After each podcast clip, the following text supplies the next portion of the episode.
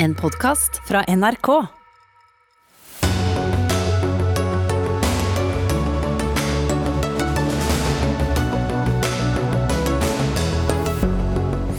Regjeringen varslet i dag nye tiltak for å få ned koronasmitten blant de som er født utenfor Norge. Andelen syke har vært høyere enn befolkningen ellers. Norske elever gjør det bedre med oss i regjering, skryter Høyre. De er mer opptatt av internasjonale tester enn trivsel i skolen, parerer Senterpartiet. Universitetet i Tromsø vil ikke la studenter eller ansatte komme i uniform da Heimevernet arrangerte uniform på jobbdag før helgen. Vi vil ikke skremme folk unødig, svarer universitetet. Og det kommer kritikk mot koronahåndteringen i fotballen etter at påtroppende landslagssjef Ståle Solbakken var i kjappeste laget ute av karantene. Ja, da sier vi god tirsdagskveld, som det er blitt, eh, og velkommen til Dagsnytt 18. Jeg heter Espen Aas. En rekke tiltak fra regjeringen ble i dag gjort kjent for å få bukt med høy smitte blant utenlandskfødte i Norge. For av de totalt antall meldte tilfellene, ja så er 35% av dem hos personer som nettopp er født utenfor Norge. En ekspertgruppe har bl.a. foreslått en informasjonskampanje for å motvirke press for å delta på sosiale aktiviteter. Og dette utvalget ble nedsatt av deg, det kunnskaps- og integreringsminister Guri Melby fra Venstre. Det er jo tre kvart år siden pandemien eh, først brøt ut, så hvorfor kommer tiltakene nå? Ja, På tross av at vi har hatt en eh, lang rekke tiltak eh, helt fra tidlig. Det var jo etter en tre-fire uker inn i pandemien at vi så at smitten blant utenlandsfødte var høyere enn for majoritetsbefolkninga. Så allerede i vår så hastebevilga vi en del millioner til en rekke frivillige organisasjoner som skulle bistå myndighetenes arbeid med å spre informasjon. Og både Folkehelseinstituttet og også IMDi har gjennom hele pandemien hatt en rekke tiltak for å nå ut. Men når vi ser at vi ikke lykkes, når vi ser at tallene fortsatt er høye, så er det jo viktig at vi tar en gjennomgang av alle de tiltakene vi har, og ser på om vi kan greie å målrette enda bedre for å treffe noen grupper enda bedre. Mm. Men vi har jo faktisk lyktes på noen områder også, det er liksom viktig å ha med det. Vi har f.eks. sett at uh, blant dem med somalisk bakgrunn så har smitten i perioder gått nedover igjen. Men det er klart det er en erkjennelse av at vi ikke har greid å gjøre nok. Og jeg håper jo at med disse tiltakene så vil vi også greie å få ned smitten blant utenlandsfødte. Mm. Men hvordan skiller disse nye tiltakene seg spesielt ut fra det dere da har holdt på med, som du sier? Det vi har sett, er at det er en del terskler og en del barrierer mot å delta i det viktige arbeidet med f.eks. testing. Noen opplever at det er for komplisert å få tatt en test. Noen er også kanskje litt kritisk til å gi, for, gi fra seg viktig informasjon til myndighetene. Eh, så det å gi informasjon om hva det faktisk innebærer å la seg teste, og hvor viktig det egentlig er, eh, og at det er helt trygt eh, Du kan gi fra deg den informasjonen, og den vil ikke bli brukt til noe annet. Og også det å gjennomføre en del holdningskampanjer tror vi er viktig. Og til slutt så er det også viktig å gjennomføre tiltak som gjør det mulig for alle å overholde regler. F.eks. at hvis du skal i karantene og du bor trangt, så må du faktisk få tilbud om karantenehotell. Mm. Abdi Rahman Dirje, du er leder av Islamsk eh, råd Norge og med oss på linje. Kommer disse tiltakene som eh, regjeringen har bebudet i dag til å ha noen effekt? Det håper jeg. Jeg håper at de vil ha bedre effekt enn tidligere. Eh, jeg må jo først og fremst si at det er leit at tallene ikke går raskt ned slik eh, vi og alle har ønsket. Eh, samtidig så er jo problemet sammensatt. Så det er ikke sikkert det er bare informasjonsformidlinga alene som vil være, som vil være nok. Og så ser jeg jo at eh, basert på de tiltakene at her er det veldig mange punkter. Så her er det jo viktig at regjeringen kommer med noen konkrete av de 29 punktene, slik at vi kan, si, kan konkretisere da, retningen på hva vi man ønsker å nå fram. Men ja, 29 punkter, som du sier, det er jo nettopp det dette består i. Er, er det for mange og for lite målrettet? Nå har ikke jeg hatt tid nok til å sette meg detaljert inn i hver eneste av de 29 punktene. Jeg registrerer at flere av de allerede er noe vi jobber med, sammen med bl.a. punkt 3, sammen med helsemyndighetene, hvor vi har møter ganske ofte. Men, men, det er jo ingen tvil om at, at problemet er selvfølgelig altså, Det er jo sammensatt, men, men, jeg skulle ønske at det var enda mer konkret da, enn, enn, det, vi, enn det, vi, ser nå, mm. med, med så mange punkter. Mm. Men hva, hva, mener du er uh, hovedproblemet da? Nei, også, Det er vanskelig, det er sammensatt, tror jeg. Jeg tror Problemet er veldig sammensatt. Eh, veldig mange i minoritetsmiljøene jobber jo jobber i frontlinja som krever at man møter på dette her ganske direkte. Eh, vi snakker om transportbransjen, vi snakker om vektere, vi snakker om dagligvare, apotek, helsepersonell osv. En lang liste. Og så er det snakk om at også er flere andre problemer. Sangbohet er blitt nevnt flere ganger. Det er nok et av de tilfellene som finnes. Mm.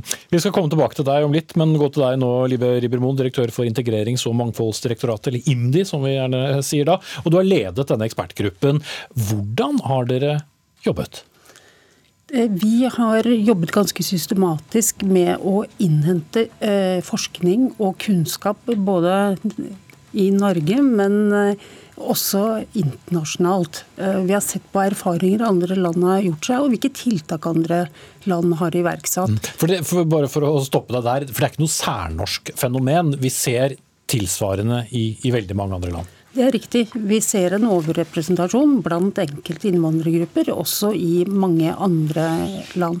Men tilbake til, det finnes jo ikke så mye forskning ennå. Fordi pandemien er jo et ganske nytt fenomen. Det kommer til å komme masse eh, neste år. Derfor har vi også basert oss på noen andre kilder. Vi har da eh, hatt innspill fra eh, kommuner, fra frivilligheten, fra sektormyndigheter, deres erfaringer og vurderinger av hva som er utfordringene. Hvorfor når ikke norske myndigheter fram til alle? Og Det var jo egentlig en debatt vi hadde for lenge siden her i Dagsnytt 18, ganske tidlig i pandemien. Bekymring om at ikke informasjon var lett nok tilgjengelig, ikke var på mange nok språk. Men ser vi nå at det ikke var helt det som var problemet? Informasjonsbarrierer er åpenbart én barriere, men det er mer komplisert enn som så. For det første så er innvandrerbefolkningen eh, mangefasettet. Eh, det er veldig ulike livssituasjoner som mennesker befinner seg i, og det må man ta utgangspunkt i. Men i tillegg til informasjonsbarrierer, så sier jo da både Folkehelseinstituttet, frivillige organisasjoner og kommuner at det også er økonomiske barrierer. Altså at det er personer som er på korttidsopphold, som ikke har rett til sykepenger. Det er sosiale barrierer. At noen opplever press fra familie og miljø for å delta i sosiale aktiviteter. Og det er kulturelle barrierer. Altså det kan dreie seg om f.eks. at man ikke lytter til norske myndigheter, men ser på opprinnelseslandet TV eller ressurspersoner i eget eh, miljø. Og det dreier seg også noe om eh, tro og overbevisning. At man f.eks. tror at man ikke kan bli smittet hvis man Eh, ber, f.eks. Mm. Abdi Rahman Deri, nå er du faktisk kommet inn i, i studio også, leder av Islamsk råd Norge. Eh, og nå er det jo de, de, de, som du møter, er jo da en liten del av, av hele denne sekkeposten med født utenfor eh, Norge, så det er jo vanskelig å generalisere her, selvsagt. Men de du har snakket med, hva er det de sier? Hva, hva er det eh, de har følt mangler? Nei, altså Når det kommer til informasjon, så tror jeg de aller aller fleste nå føler at det er mer enn nok. Det er kanskje også til tider desinformasjon, altså veldig mye, sånn at folk ikke klarer å skille det altså riktig informasjon fra annet. Eh, sånn at, og Der har jo vi og mange andre i frivilligheten også bidratt til å oversette konkret, sånn at man også har kilder internt som man kan stole på i forhold til hvor informasjonen kommer fra. Eh, dette fenomenet med fake news den er nok der ute eh, ved sosiale medier. Og ikke minst skiftende informasjon så Man trenger ikke å være født utenfor Norge for å lure på hvor mange man har lov til å ha eller ikke ha, i, i og med at det skifter etter hvert som, som, pandemien svinger. Definitivt. Og Det er også en annen sak. Også er jo, det er jo sammensatt som, eh, som Liv eh, man var inne på. Altså, det er veldig mange punkter, men, men mange jeg snakker med, eh, nevner arbeidssituasjoner som hovedårsak. Altså at man jobber i front. Eh, Eh, posisjoner, altså ofte helsefag og i transport. Da, mm. hvor, hvor de, Yrker du ikke ikke kan ta med deg hjem. de, ja, altså de merker jo, Mange har jo ikke merka at de er smitta. Og det er kanskje de også en type gruppe som har vært den man ikke merker noe til. og Det er jo det samme som FHI også sier, at de som ikke merker, de smitter flest. Og så har du barn og unge da, i bølgen nummer to, da, som også har vært en del av, som også kommer hjem med smitten. Og så er det veldig mange som selvfølgelig sliter med det er normale, at det er litt sånn trangbodighet. og litt sånn, Mm, som vi har vært innom. Og så har du den siste, da, som også er eh, litt av den jobben å gjøre. og Det er jo det er ikke alle som har mulighet til å jobbe hjemme og ha hjemmekontor, og må ut og arbeide og ta med seg smitten hjem. Skal ha med en fjerde person her òg. Afros Akram Shah, du er lege i, i spesialisering for psykiatri. Og sammen med flere andre så skrev du i et innlegg i Aftenposten om den høye smitten da blant én gruppe, nemlig norsk-pakistaner, eller en sammensatt gruppe, det også åpenbart. Men eh, ut fra det du har sett av disse 29 tiltakene, hvordan vurderer du dem? Eh, Jeg har jo eh, fått tid til å gå gjennom disse tiltakene. og jeg vil jo si at Det denne ekspertgruppen har lagt frem av anbefalinger og tiltak, det er godt. Mye har man jo allerede snakket om i de ulike folkegruppene. Eh, Og jeg tror at det skal være en ekstrem lav eh, terskel for å teste seg ved debut av eh, symptomer. eh, og at eh, det skal være lettfattelig eh, og enkelt språk eh, både på morsmål og også på norsk i form av brosjyrer eller andre eh, medier som gjør at man kan nå eh, hele spekteret. Men som Dirje var inne om her i studio, det er jo veldig mye informasjon eh, ute, og det har vært informasjon ute der lenge, så det er kanskje ikke der problemet først og fremst er, eller? Jeg vil jo si at eh, Vi med helsefaglig bakgrunn i det norsk-pakistanske miljøet har jo snakket eh, og hatt tett dialog med hverandre. og også har jeg eh, eksempel snakket med en del norskpakistanere generelt i forhold til denne pandemien. Eh, Jeg vil jo si at de aller, aller fleste jeg har snakket med, tar dette her på største alvor. Eh, Og det er ingen enkeltstående faktor som eh, skiller seg ut. Eh, Det er heller ingen uttalt årsak. Jeg tror at det er litt kompleks, og at de faktorene flyter litt over i folkegrupper. Vi er jo vanedyr, og vi er vant til å gjøre det vi har gjort i alle år.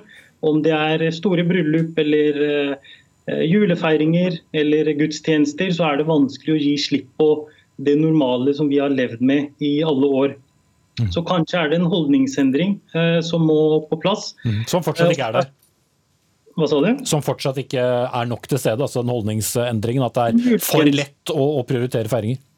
Ja, ikke sant. Eh, og det gjelder jo for øvrig flere folkegrupper. Eh, og så er det jo sånn at eh, i forhold til det norsk-pakistanske miljøet, så har jo denne ekspertgruppen med deres rapport i dag også belyst potensielle faktorer som kanskje står sterkere i innvandrergrupper, som bl.a.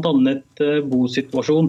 En norsk-pakistansk husstand består jo ofte av flere familiemedlemmer over generasjon. Både besteforeldre, eh, barn og barnebarn.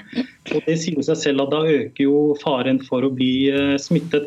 Og Det andre er jo, som også de andre har sagt, eh, eh, risikoutsatte yrker eh, som transport, eh, drosjenæringen, eh, handel gir jo også økt eh, risiko for å bli eh, smittet. Men uh, River Moen, under uh, dette arbeidet så har dere da hatt en, en gruppe med også noen med annen minoritetsbakgrunn, i hvert fall enn en, en deg selv.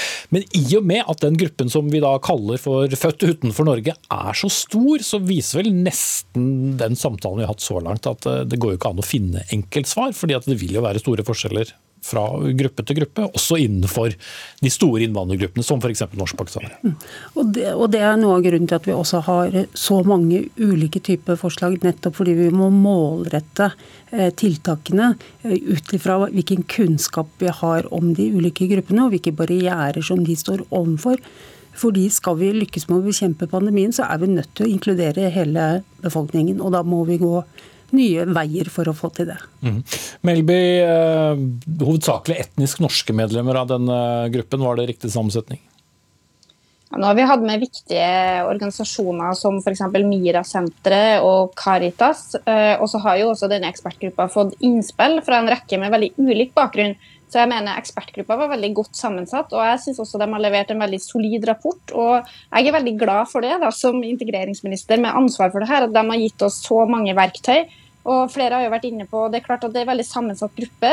Eh, og Da er det også viktig at vi har mange tiltak. så En liste på 29 tiltak høres kanskje omfattende ut, men veldig mye av det vi er godt i gang med allerede. IMDi sitter jo på mange av tiltakene. Mye ligger under helselinja, og mye handler også om å ta i bruk sivilsektor, ta i bruk frivillige, ta i bruk viktige talspersoner i de ulike miljøene. Så jeg mener at vi er veldig godt i gang, men vi er nødt til å intensivere arbeidet for å sikre at informasjonen når fram til alle. Mm. Men det er vel en forskjell på å komme med innspill og, og sitte gjennom hele prosessen?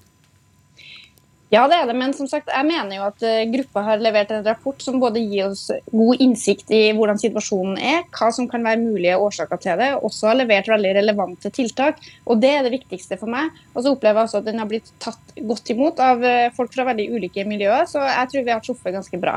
Mm. Hvor viktig er en sammensetning av et utvalg, uh, Derje? Er innspillene vel så viktige? Nei, jeg tror Som alt annet i samfunnet ellers, så må man tenke på mangfoldskompetanse hele tida når man skal eh, eh, kan du si, innhente eh, fra mangfold selv. Da. Og, Det tror jeg det er også en tilbakemelding til, til integreringsministeren og, og, regjeringen også, at de også har det i bakhodet også i, i slike, slike eh, sammenhenger. Vi så i begynnelsen av pandemien bl.a. i forbindelse med, med midlene til informasjonsspredning blant eh, minoriteter. at det, ble jo delt ut i første omgang eh, til, til store organisasjoner som ikke nødvendigvis er de som har Eh, innerst innsikt blant minoritetene. Så I runde nummer to ble det jo selvfølgelig retta opp i det, og det, det, var vi veldig glad for. og Det ga også mange gode resultater, og det er vi veldig glad for.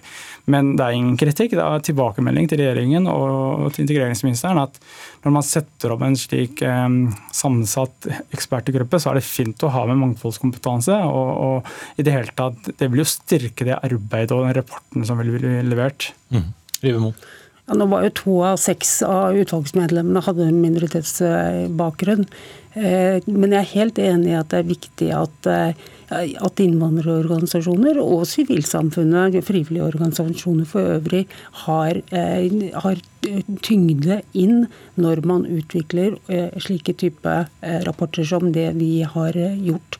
Og selv om det var seks nasjonale organisasjoner som helt akutt i det pandemien brøtet i mars fikk støtte, så forvalter jo IMDi da tilskudd og har gitt det til over 140 frivillige organisasjoner organisasjoner, inkludert også Islamsk råd i runde to. Ja. Mm. Nå er ikke Caritas en typisk norsk organisasjon, da. De fikk også i første runde. Ja, de ble nødt til det også. Til slutt, uh, Abdirahman eh, Dirje. Et av disse tiltakene som vi nevnte tidlig også, er jo en kampanje for å motvirke press da, for å delta i disse sosiale aktivitetene som, som Shah også var innom. Er det fortsatt et visst press for å delta på sosiale aktiviteter? Altså jeg kan nok ikke utelukke det, at det er det. og Vi prøver å nå ut både i brosjyrene vi har oversatt til tolv språk, og ikke minst videoene vi har laget at, at, det ikke er nødvendig. og Man skal jo helst unngå arrangementer selv og, og, og sånn sett eh, motvirke det. Og så har man også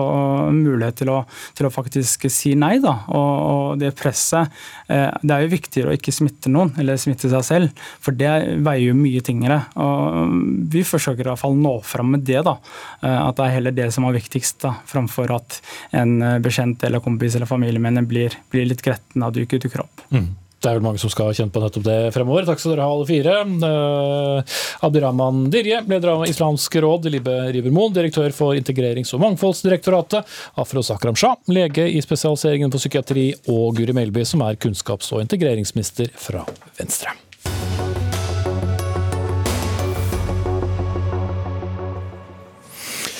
Da skal det ja, nok en gang kan vi til og med si, handle om uh, norsk skole her i Dagsnytt 18. For i dag kunne regjeringen skryte av norske femteklassinger, som nemlig er blant de beste i matte og naturfag.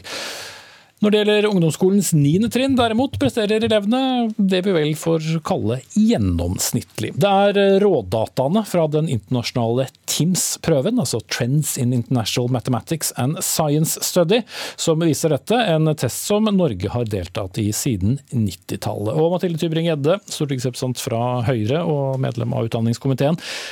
Dere sier at resultatene tyder på at Høyres politikk har hatt en effekt. Hvordan da?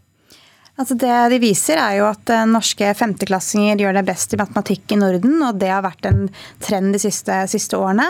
Eh, og samtidig at eh, de yngste elevene altså, trives veldig godt på skolen, og at mobbingen er veldig lav. Med andre ord, det at elever nå både leser bedre på barnetrinnet og gjør det såpass bra i matematikk og naturfag, står ikke i motsetning til det at de trives, som noen prøver å påstå. Og så mener jeg at det er flere grunner til dette. Det har vært en systematisk satsing på grunnleggende ferdigheter siden kunnskapsløftet Kunnskapsløftet. Eh, og det er ikke slik at eh, det at Høyre gir rekordmange lærere videreutdanning én dag, så blir det bedre resultater en annen. Sånn funker ikke en god skole. Eh, men jeg tror nok det at vi har hatt en så kraftig tredobla satsing på videreutdanning av lærere, og det er så mange lærere som har fått fordypning, særlig i matematikk, fordi vi har turt å stille krav om det mot bl.a. Senterpartiets stemmer, at det har vært med på å sikre at det er flere elever som i dag har lærere som har fordypning i matematikk, og det også gjør noe med undervisningen. Mm. Men det er jo de samme resultatene for 2020 som i 2015, så hvor mye skulderklapp skal eh, dere gi dere selv? Nei, som sagt, dette er jo en trend over tid. Du ser at norske elever presterer best i, eh, best, altså blant de beste i Europa og blant de beste i, i, Norden.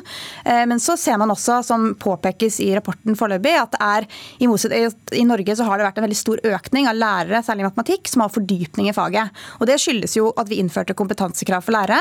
Og så har vi innført en ekstra time naturfag på barnetrinnet. Vi har stilt krav om at lesing, skriving og regning skal følges opp fra dag én for de elevene som henger bak. Eh, vi har innført begynneropplæring i lærerspesialistordning. Jeg kan la en lang rekke. Men jeg, tror, men jeg tror samtidig at det er en helhetlig satsing, særlig på Lærerløftet, som har betydning for undervisningen. Jeg håper jo det også betyr at man fremover kan se en eh, lignende, lignende stigning. Mm. Marit eh, Knutsdatter Strand, stortingsrepresentant for Senterpartiet. Har du gratulert Høyre i dag? Nei, overhodet ikke. Og heller tvert imot. Jeg vil jo påpeke at Høyre her konkluderer altfor hardt på et altfor tynt grunnlag. Eh, de fordummer debatten ved å bruke de funnene som blir eh, lagt fram i dag, på en sånn måte som de gjør. Hvordan da? Eh, blant annet ved at det i dag bare er lagt fram rådata fra Teams-undersøkelsen og analyser som kan se på sammenhenger. Det får vi først neste år. Samtidig så konkluderer de altfor hardt når TIMS-undersøkelsen i utgangspunktet ikke kan påpeke sammenhenger mellom hva som har fungert og hva som ikke har fungert. Når Tybing-Gjedde skryter av satsing på etter- og videreutdanning for lærere, så er også det noe av det Teams-undersøkelsen påpeker at Norge har potensial på. Eh, og når Tybing-Gjedde også eh, mener at de satser på lærerne, så lurer jeg på om ikke lærerne skulle vært med i den debatten. For jeg tror ikke de opplever det på samme måten. Mm. Når de har opplevd et eh, kompetansekrav som fører at mange mister undervisningskompetansen sin fordi de avskilter tilbake i tid. Og okay. at det ikke Men, blir satsa nok på at de skal faktisk få det kompetansekravet innfridd. Så hva er det du da mener at disse resultatene viser? Nei, Senterpartiet mener jo at eh, hvis man skal kunne eh, konkludere noe her, så må man se ting eh, over lang tid. Men det får man ikke gjort med Teams-undersøkelsen, fordi vilkårene har blitt endra underveis. Eh, jeg har jo eh, eh, prøvd å lese og forstå det som har blitt trukket fram over Teams-undersøkelsens 20-årige funn. Men samtidig så vet vi at seksårsreformen har skjedd, vi har fått nye læreplaner. Det ble også endra aldersgruppe som deltok fra 2015. Så det har vært for lite stabilt, bare for å ikke ta alle detaljene, men det du sier er egentlig at det har vært så mye utvikling og så mange forskjeller fra år til år at det er vanskelig å sammenligne årene med hverandre? Forstår jeg det rett da? Det stemmer. Og så er jo bl.a. Eh, professor eh, Sjøberg ved UiO veldig tydelig på at verken TIMS eller PISA, som også er en internasjonal test, sier noe om den enkelte elev, klasse eller skole. Så jeg har veldig lyst til å spørre Høyre, da. Hva får skolen ut av testen? Hva får lærerne ut av testen? Hva får elevene ja, ut av testen? Jeg kan avsløre at jo flere spørsmål du stiller, jo færre rekker vi å svare på. Men la oss begynne. Nå har vi hatt så mange fingre opp fra Tybring-Gjedde her at eh, vi får høre hvor du vil begynne. Men har dere konkludert litt for kjapt? Ja, altså, her var det mange paradokser på en gang. Altså, her etterlyser Senterpartiet mer systematisk kunnskap, samtidig som de ønsker å melde Norge ut av PISA og TIMS. Altså, her må de bestemme seg. Enten så ønsker de å ha forskning på dette, eller så ønsker de ikke.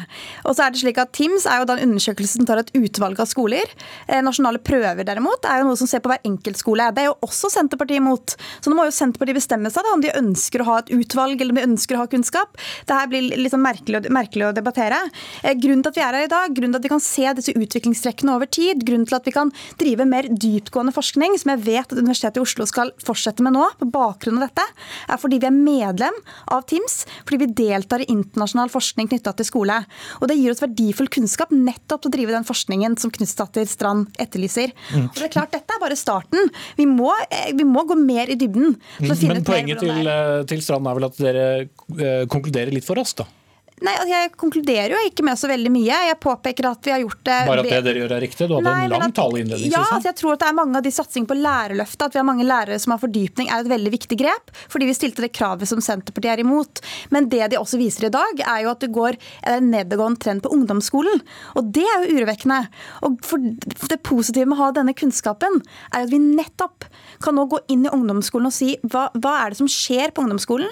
Både på lesing og naturfag. som gjør at det er, at det er eh, flere elever som faller etter.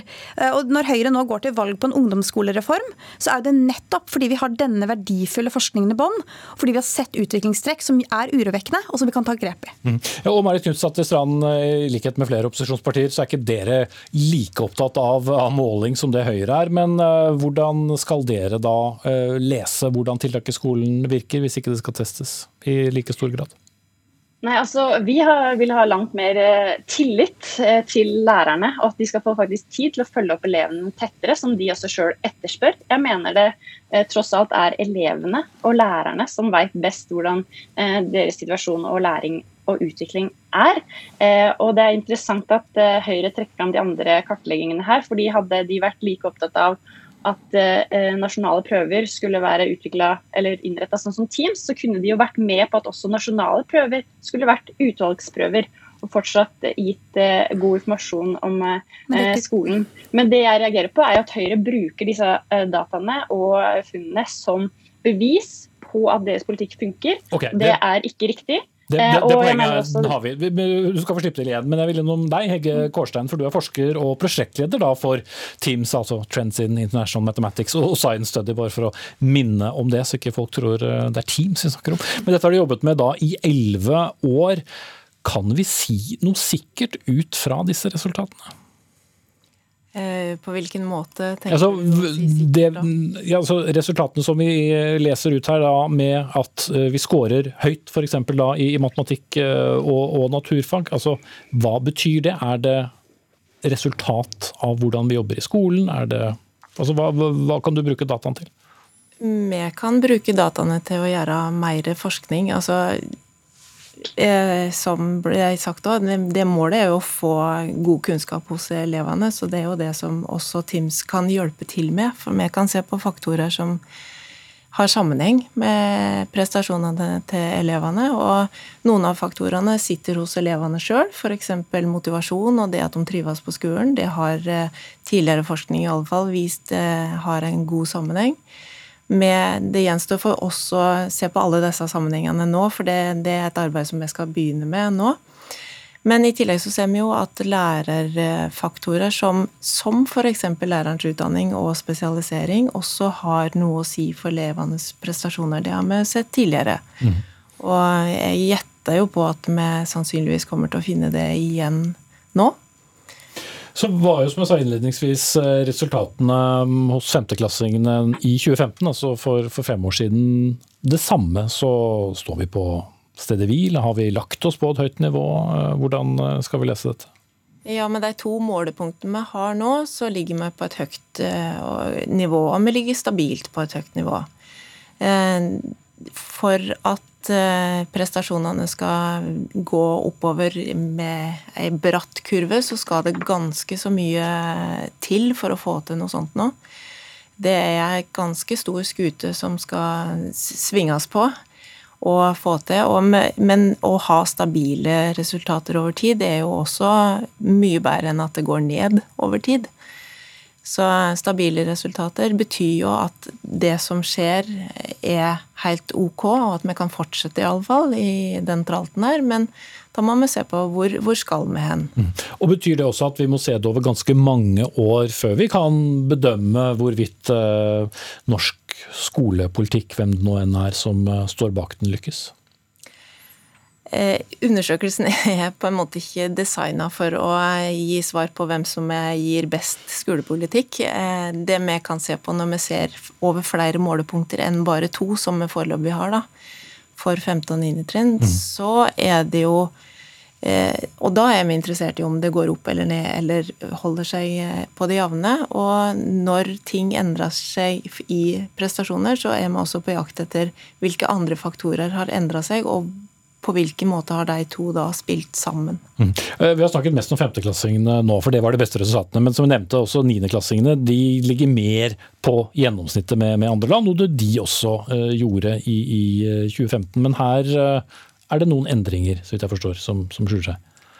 Ja, her eh, presterer de eh, dårligere enn det de gjorde sist. Der har det vært en, eh, det som jeg kaller for signifikant nedgang. Det har vært så mye poengsdifferanse nå at vi med sikkerhet kan si at det er lavere poengscore nå enn det det var sist gang.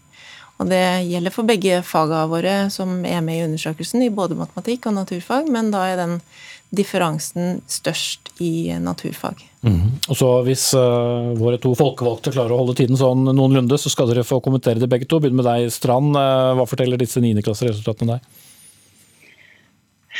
Nei, De forteller meg at uh, ungdomsskole er noe vi bør jobbe mer med. At vi bør jobbe med å få økt fokus på motivasjon og aktiv og praktisk læring. Eh, Senterpartiet har jo lenge omtalt ungdomsskolen som den glemte delen av skolen, fordi elevene her ikke har blitt satt nok på, mener vi.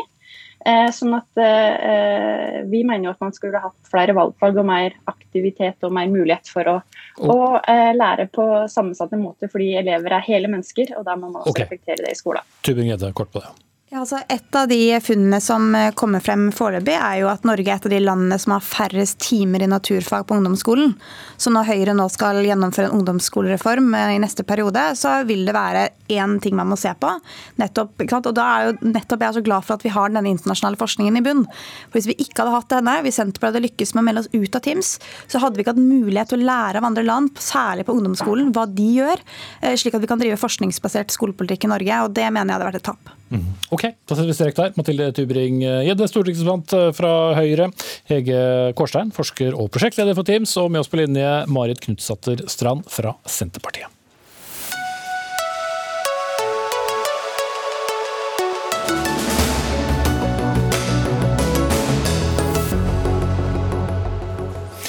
Mot slutten av sendingen skal vi uh, diskutere at Fremskrittspartiet vil påby oversettelser av religiøs forkynnelse for å hindre radikalisering i trossamfunn. Det er en ekstrem mistenkeliggjøring, sier en motdebattant som kommer til oss. Men nå skal vi til uh, fotballen. For uh, 20 000 kroner, ja, det var belønningen Ståle Solbakken fikk for å bryte karantenereglene. Boten fikk Norges nye landslagssjef fordi han brøt karantenereglene for innreise da han så på at sønnen spilte kamp under ti døgn etter at han hadde kommet hjem fra København. Han brøt også karantenereglene på mandag formiddag da han eh, lot seg intervjue av TV 2 på Ullevål stadion. Solbakken er veldig tydelig på at han legger seg flat, men det er ikke helt nok, sier du eh, Per Arne Flod, tidligere fotballagent. Hvorfor ikke? Nei, For det første er jeg ikke helt enig i at han legger seg flatt. For at han kom med en unnskyldning som ikke stort står til trones.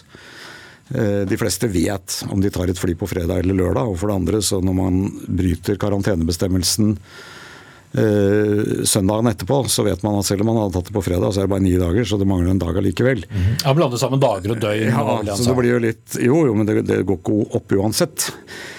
Men nå er ikke først og fremst eh, Ståle Solbakken. Ja, jeg får også tilføye at eh, når man da får den boten, så sier han litt sånn arrogant at den tar jeg på strak arm, det er ikke noe å bry seg om. Eh, det er en holdning jeg er ute etter. Det er mer dette med, med holdningen som jeg syns har preget fotballen helt fra, helt fra den pandemien kom, helt fra i våres. Hvor det har blitt skapt et inntrykk av at dugnadsånden og smittevernreglene gjelder for alle andre, men ikke for fotballen. Og Det er et spørsmål om eh, verdier, etikk eh, og samfunnsansvar.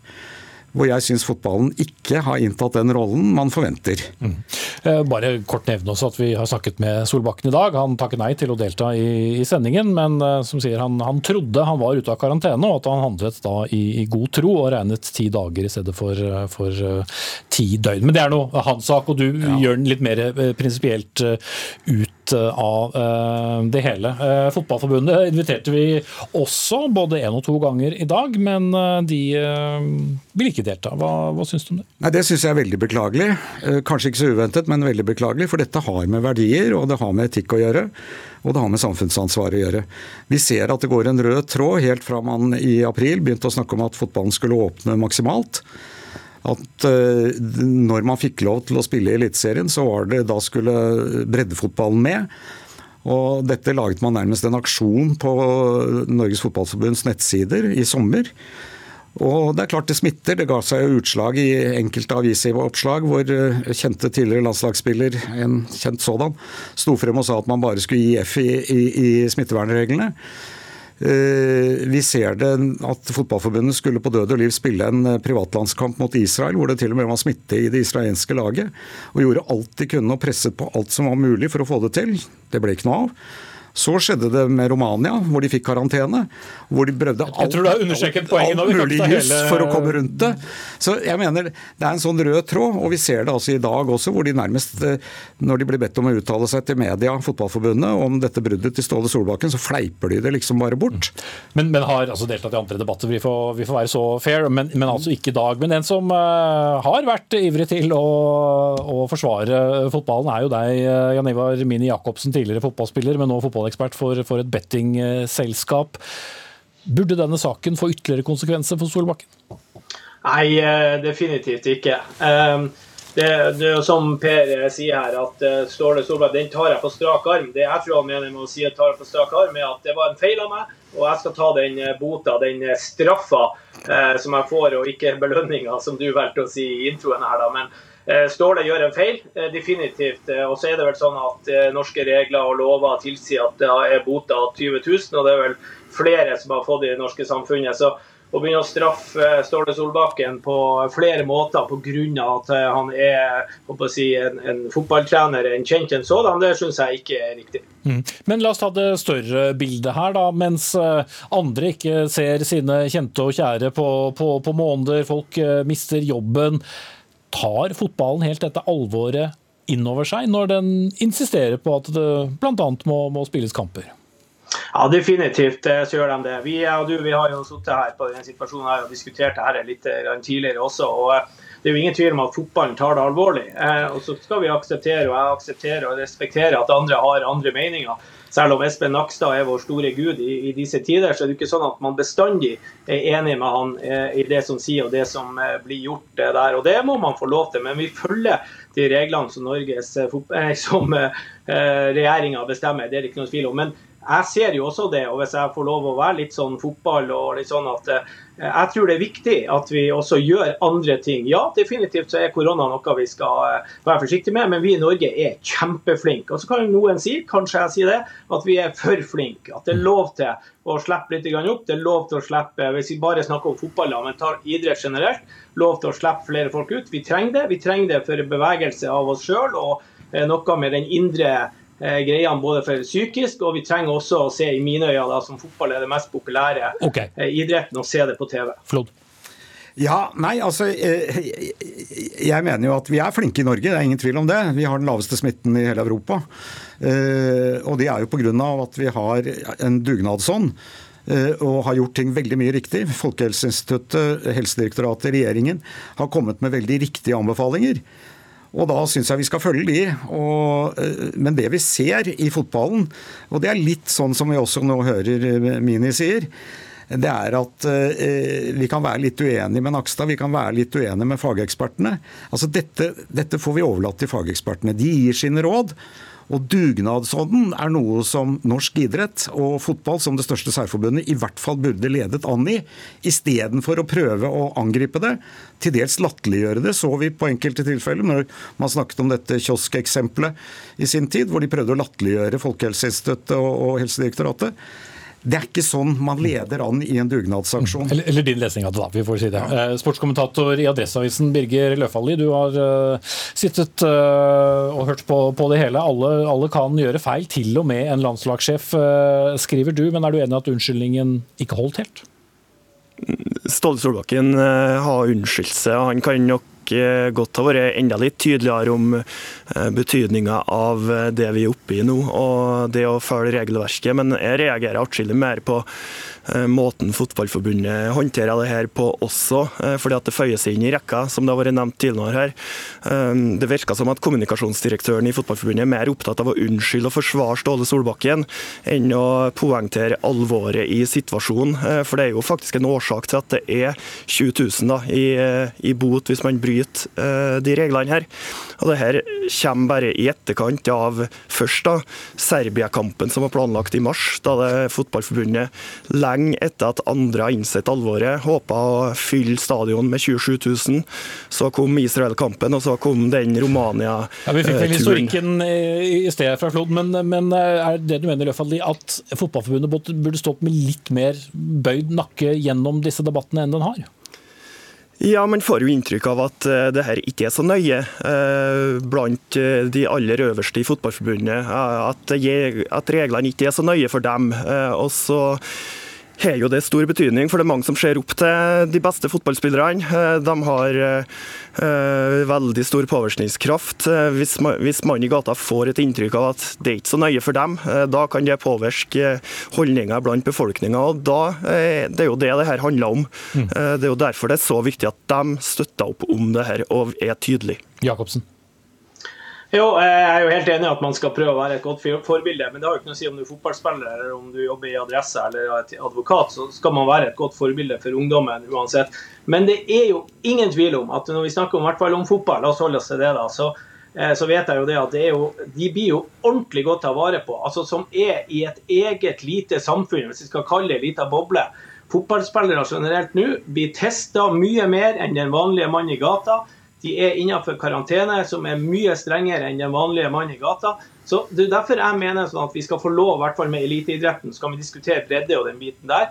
For at de er under et strengt regime. Og ja, det blir smitta også i de miljøene, men langt mindre enn det er ute skal vi si, i det vanlige samfunnet. Men fotballspillere, hvis vi forholder oss til Eliteserien i Norge i dag, så er de under et strengt regime og en streng nesten karantene hver eneste dag. Mm. Men likevel blir det debatt. Jeg nevner til slutt at vi altså har vært i kontakt med Solbakken, som ikke ønsket å delta, ei heller Fotballforbundet i denne omgang. Men takk til dere tre som kom.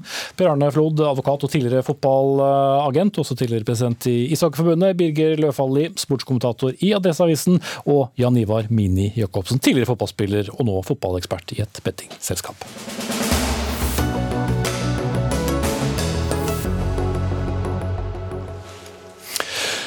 Da Heimevernet på fredag arrangerte uniform på jobbdagen, så var det ikke alle steder det gikk like godt hjem. For tilhørte du Universitetet i Tromsø, så var beskjeden at du var uønsket med uniform.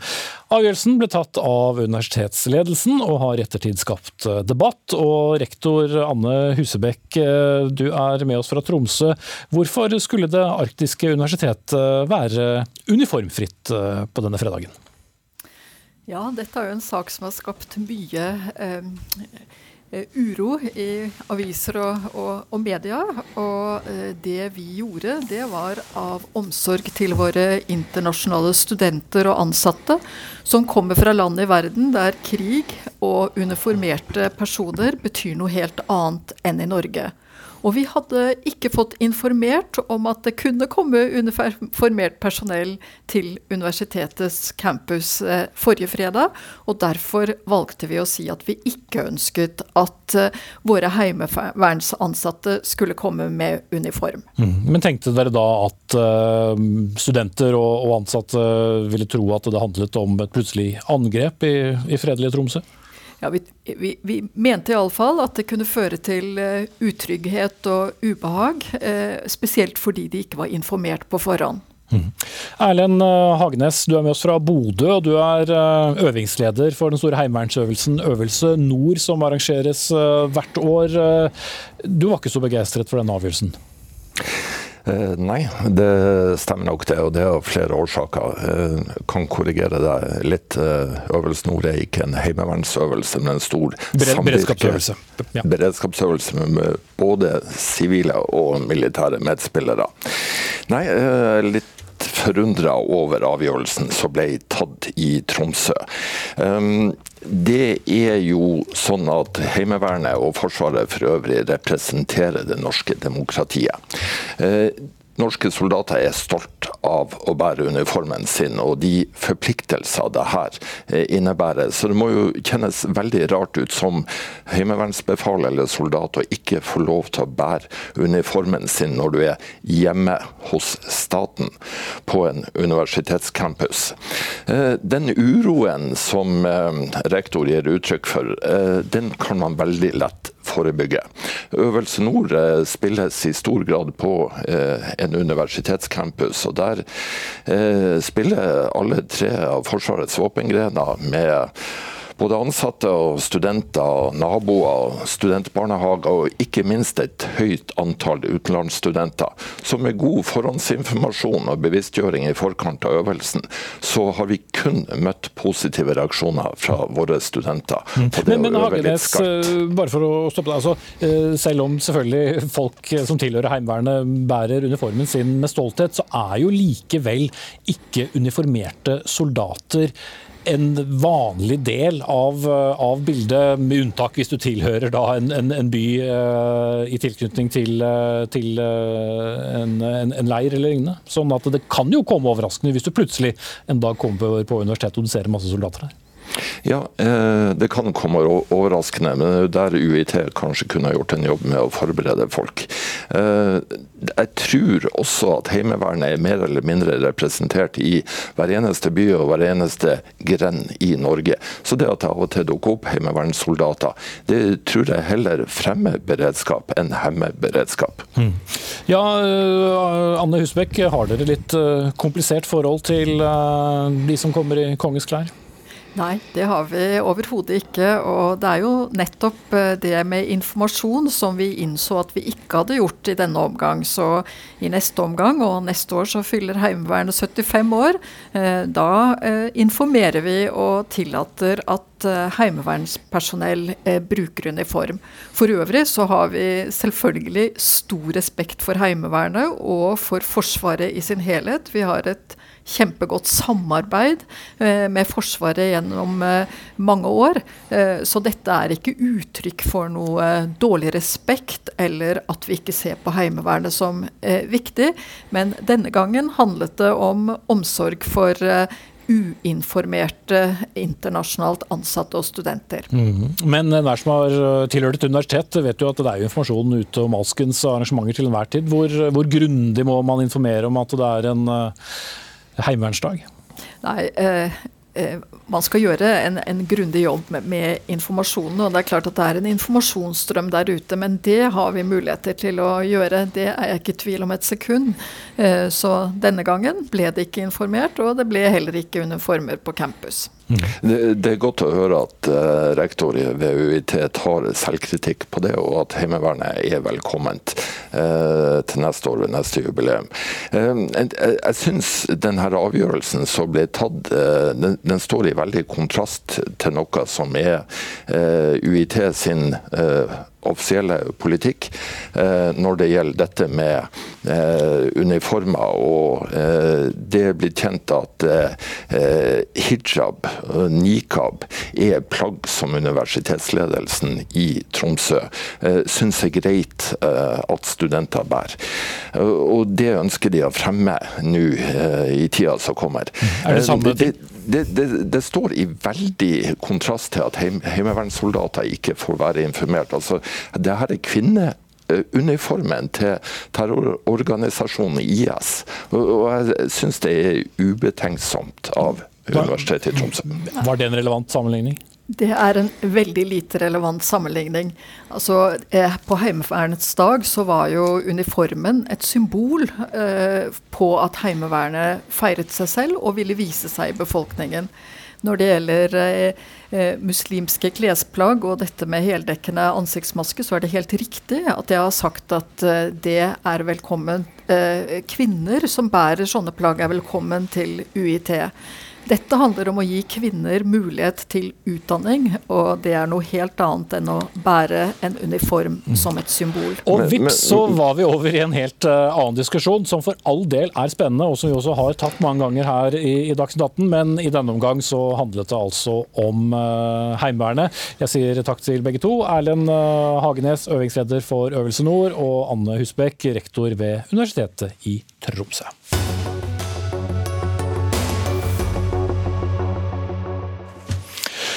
Bør det være påbudt at eh, prekener og religiøse taler som eh, ikke fremføres på norsk, oversettes til norsk? Ja, det mener iallfall Fremskrittspartiet, som nå har sett på danskt lovforslag som skal gi større åpenhet i prekener eller forkynnelser, som det heter, som avholdes på andre språk enn nettopp dansk. Og det var avisen Vårt Land som skrev om dette i dag. Jon Helgheim, stortingsrepresentant for Fremskrittspartiet. Bør alle trossamfunn oversette talene sine til norsk? Jeg syns det er et veldig interessant forslag som det danske Arbeiderpartiet har eh, kommet med. Eh, og Man kommer ikke med sånne forslag tatt helt ut fra luften, helt uten grunn. I Danmark så gjør de faktisk veldig mye riktig. De ligger langt framme på å innføre tiltak som trengs for å unngå den utviklingen som vi har sett i mange europeiske land, f.eks. Sverige, Frankrike og flere. Men, men, hele poenget med å, å skulle oversette religiøse taler, hva er det? Nei, Poenget med det er å bidra til mer åpenhet rundt hva som forkynnes i forskjellige trossamfunn. Det å ha diskusjon, åpenhet og debatt rundt hva som forkynnes i trossamfunn, det er bra. Det er bra for eh, hele samfunnet eh, og for trossamfunnene selv. Det bidrar til, eh, til korreksjoner dersom det blir feil. Og så vet vi også det at radikalisering har foregått i stor stil i flere europeiske land. heldigvis kan vi ikke si det samme i Norge enda, men det viktige her er å ikke sitte passivt og vente på at problemer bygger seg opp i Norge. Vi må ha en dialog, vi må ha en åpenhet, og vi må ta tak i de problemene som vi ser har båret helt galt. Selv om ikke vi har problemet her. Det er veldig viktig å ikke gjøre den samme feilen, at vi sitter og venter på at problemene blir så store at de ikke kan håndteres. Det er det man har gjort i Sverige, Frankrike og flere andre europeiske land. Ingrid Rosendorf Øyst, du er generalsekretær i Samarbeidsrådet for tros- og livssynssamfunn. Dette er en ekstrem mistenkeliggjøring av trossamfunn, sier du. Hvorfor? Ja, Vi tenker at det er det. Vi tenker at det er et autoritært uh, forslag. Eh, dialog, ja absolutt, og stor åpenhet om hva som undervises, og, og det er det også i ny, ny lov.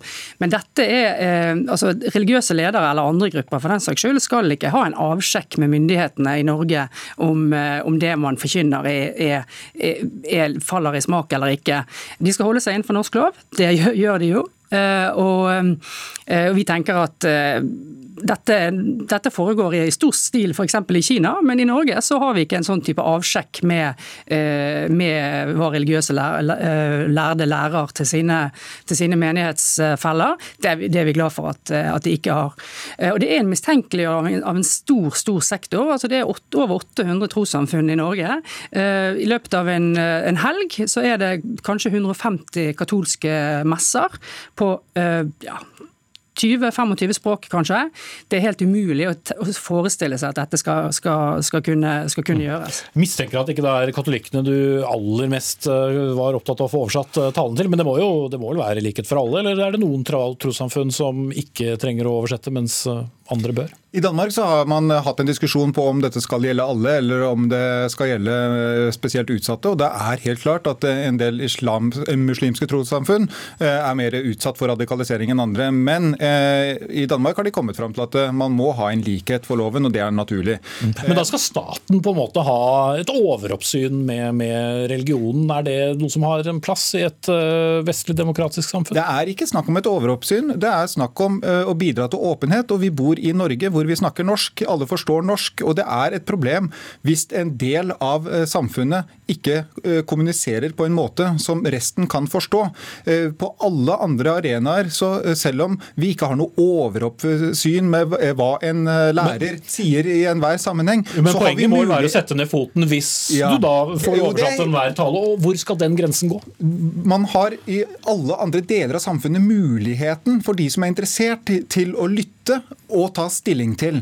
Men når det kommer til en del trossamfunn, så har man ikke den muligheten, for det er på et fremmed språk som, inge, som de fleste i Norge ikke forstår. Eh, og de trossamfunnene som eventuelt måtte mene at dette er problematisk, de kan velge å snakke norsk, for vi bor i Norge. Og da slipper man hele problemet. Men hva er det som skal være lov og ikke være lov å si? Det er jo det jeg egentlig lurer litt på. Nei, det, det, Vi setter ikke noen klare rammer for hva som er lov og ikke lov å si. Men i veldig mange norske trossamfunn så blir mediene av og til interessert. Hva er det som sies, hva er det som forkynnes? Og så får man ut hva som sies og forkynnes, og man lager en debatt og en sunn debatt om hva som sies i forskjellige trossamfunn. Det mangler i en del muslimske trossamfunn, der man uh, har uh, prekener på et språk som de fleste ikke forstår. Det er et problem. Og vi må ta inn over oss at radikalisering er et mye større problem.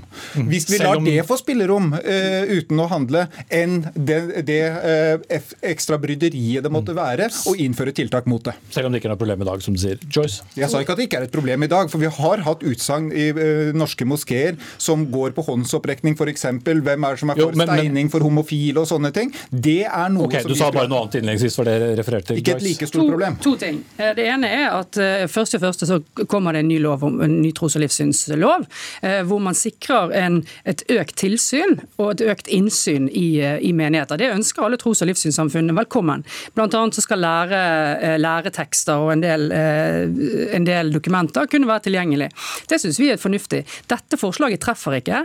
Det er flere grunner til det. ene grunnen er at trossamfunnet er liksom ikke førstestedet hvor radikaliseringen, ekstremistene samles. Det foregår utenfor organisert kontroll i stor grad. Og det er klart at det er, er viktig anliggende. Det er viktig anliggende selvfølgelig for PST, men også for andre. Det som er viktig at trossamfunnene er opptatt av, er jo lenge før det er blitt ekstremisme. Altså det å bygge gode samfunn hvor det er utsyn og innsyn. Eh, og det er det ingen som er, som er, ingen som er uenig i det. Eh, dette treffer ikke.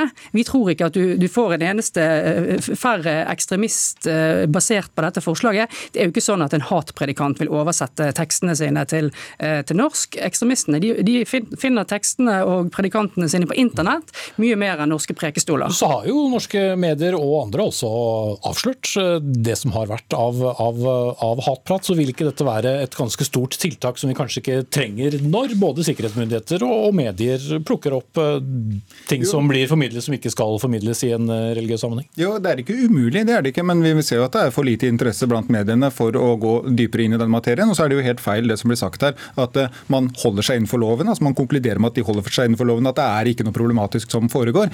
Hvordan vet man det? Har man gjort noen undersøkelser og sjekket det? Eh, snarere tvert om.